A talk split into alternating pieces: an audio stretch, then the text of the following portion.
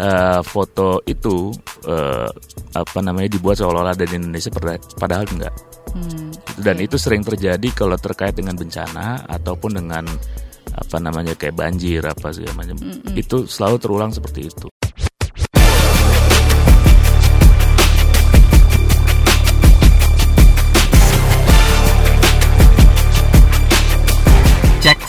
Cek fakta. Halo saya Waidia Angga di Cek Fakta dan kali ini bersama dengan Muhammad Hairil Haisi. Anggota fact checker dari Masyarakat Anti Fitnah Indonesia atau Mafindo yang seperti biasa ya kita hadirkan kita mau ulas berita soal Bandara Kulon Progo diberitakan oleh portal lawjustice.co mm -hmm. memuat pemberitaan proyek Bandara Kulon Progo atau New Yogyakarta International Airport telah banjir begitu. Yeah. Pemberitanya berjudul belum diresmikan Bandara Baru Yogyakarta sudah terendam banjir. Nah, ini kita mau tahu mengapa berita ini kita cek nih faktanya. Adakah fakta yang berbeda dari berita tersebut? Gimana nih Mas Kaidil? Ya, jadi berita yang dari portal itu sebenarnya kalau dibaca secara menyeluruh itu tidak berdasarkan narasumber yang jelas. Jadi lebih kepada opini dan ketika diklarifikasi ke pihak Angkasa Pura 1 sebagai apa namanya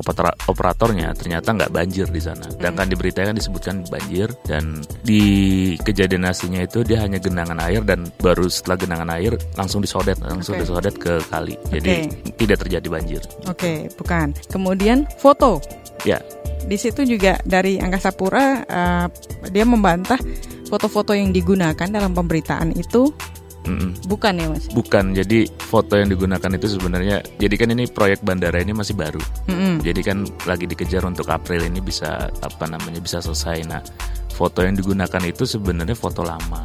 Jadi foto lama yang masih berupa project yang belum selesai, uh, masih baru-baru dibangun ke Bandara Kulon Progo itu dan itu digunakan lagi. Hmm. Jadi memang uh, kalau kita bicara fotonya itu jadi kayak semacam kita bisa tertipu dengan informasi di dalamnya. Hmm, masalah kita bisa tertipu itu sebetulnya uh, kenapa sih kita uh, membedah gitu ya masalah hoax hmm. yang yang menyasar pada bandara di Yogyakarta sana yang hmm. ternyata tidak banjir itu ada dampak nggak sih memangnya seberapa merugikan hoax-hoax semacam ini begitu?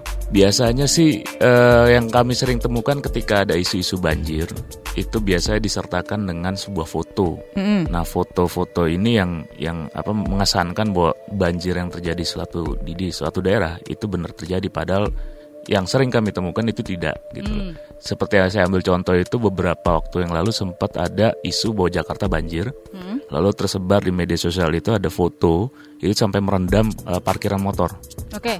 Nah, karena motornya ini bebek, banyak yang beranggapan ini benar di Jakarta. Okay. Ditambah airnya uh, keruhnya itu seperti di Jakarta. Mm. Tapi ketika dilakukan pencarian oleh Mavindo, itu di Vietnam. Ah. Jadi okay. uh, eh, foto itu uh, apa namanya dibuat seolah-olah dari Indonesia padahal enggak.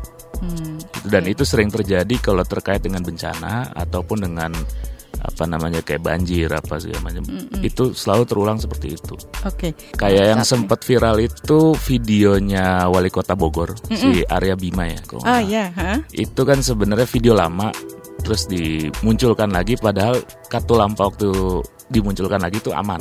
Mm. Jadi seolah-olah dengan ada video itu uh, itu terjadi lagi padahal itu video lama. Oke. Okay, Jadi memang apa kalau terkait hoax bencana ini kalau saya melihatnya kenapa sering ada berulang? Itu lebih kepada untuk memberikan kekhawatiran. Hmm. gitu kekhawatiran jadi panik dan akhirnya ya orang jadi parno dengan bencana alam gitu. Itu uh, hoax-hoax semacam itu kerugiannya apa sih mas? Jadi kerugiannya itu lebih kepada lebih kepada apa membuat membuat panik. Pertama itu yang kedua adalah membuat uh, masyarakat ini menjadi bias informasi. Hmm. jadi ada kekhawatiran berlebihan lalu ketika misalkan ternyata ada saudara yang tinggal dibilang di daerah yang uh, terjadi bencana alam itu kan ya bisa jadi dia panik dan akhirnya bias informasi dan akhirnya ngelantur ke mana-mana kan hmm. gitu akhirnya yang dirugikan dengan dia udah ngelantur hubungin sana sini segala macam kan si Iya.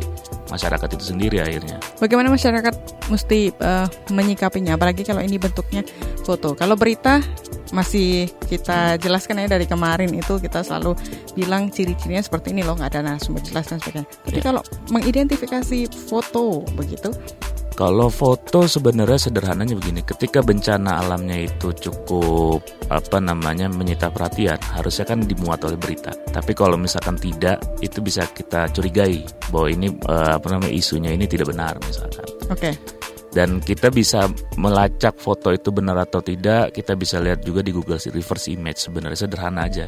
hmm, Jadi kita install gambarnya, lalu kita upload lagi di Google, nanti akan Google akan nyari dan kita akan tahu oh ini foto tahun kapan. oke. Dan pastinya kita harus cek eh, sumber yang terpercaya, media yang terverifikasi Ya. begitu ya. Oke, baik demikian cek fakta ya episode kali ini. Saya Waidia Angga pamit. Dan Muhammad Hairil Haisi. Kita jumpa lagi di episode mendatang. Cek fakta, cek fakta, cek fakta.